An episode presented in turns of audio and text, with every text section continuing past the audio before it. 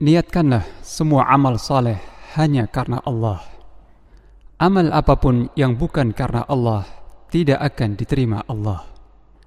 Amirul Mukminin Umar Ibn Al-Khattab radhiyallahu anhu meriwayatkan bahwa beliau mendengar Rasulullah sallallahu alaihi wasallam bersabda, "Innamal a'malu binniyat wa innama likulli imri'in ma nawa."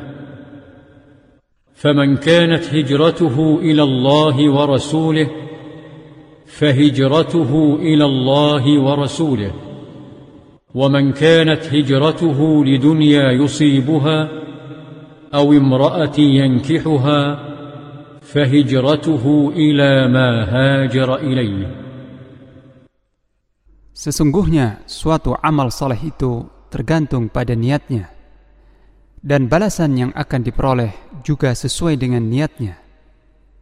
Barang siapa yang hijrahnya diniatkan hanya untuk meraih keridhaan Allah dan Rasulnya, maka dia akan mendapat keridhaan Allah dan Rasulnya. Barang siapa yang hijrahnya diniatkan untuk meraih kesenangan dunia, atau karena untuk menikahi seorang wanita, maka hijrahnya kepada apa yang diniatkannya. Hadis riwayat Al-Bukhari dan Muslim.